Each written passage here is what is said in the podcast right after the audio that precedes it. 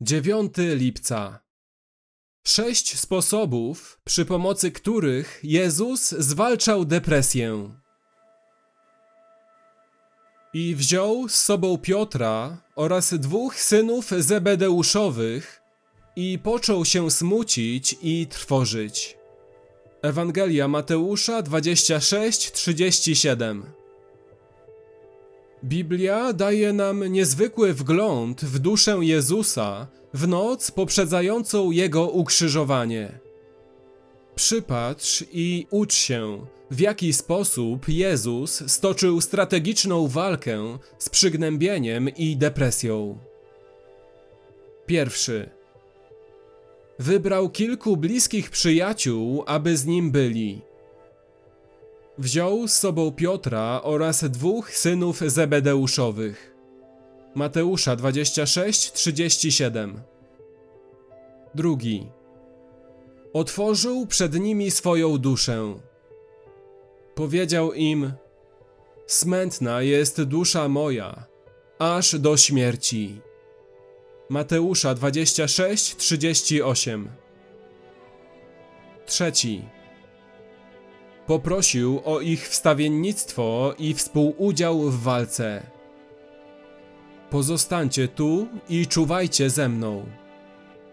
Mateusza 26:38. Czwarty. Wylał swoje serce w modlitwie przed swoim ojcem. Ojcze mój, jeśli można, niech mnie ten kielich minie. Mateusza 26:39. Piąty. Znalazł odpocznienie swojej duszy w suwerennej mądrości Boga. Wszakże nie jako ja chcę, ale jako Ty. Mateusza 26:39. Szósty. Utkwił swój wzrok w chwalebnej przyszłej łasce, która czekała na niego po drugiej stronie krzyża. Z powodu przygotowanej mu radości wycierpiał krzyż, nie zważając na hańbę, i zasiadł po prawicy tronu Boga. Hebrajczyków 12:2 Kiedy w Twoim życiu pojawia się coś, co wydaje się zagrażać Twojej przyszłości, zapamiętaj to. Pierwsze fale uderzeniowe, niczym jak bomby uderzające w Twoje serce, takie jak te, które czuł Jezus w Getsemane, nie są grzechem. Prawdziwym niebezpieczeństwem jest poddanie się im, uleganie im, niepodejmowanie duchowej walki. A korzeniem tego grzesznego poddania się jest niewiara, zaniechanie walki o wiarę w przyszłą łaskę, niedocenianie tego wszystkiego, czym Bóg obiecuje, że będzie dla nas w Jezusie.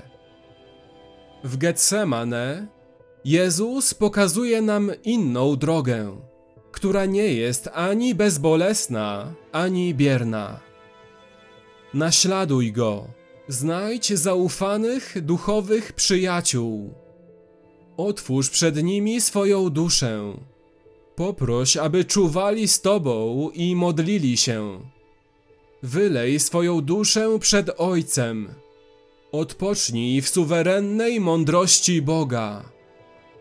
I skieruj swój wzrok na radość przed Tobą, którą są drogocenne i wspaniałe obietnice Boże.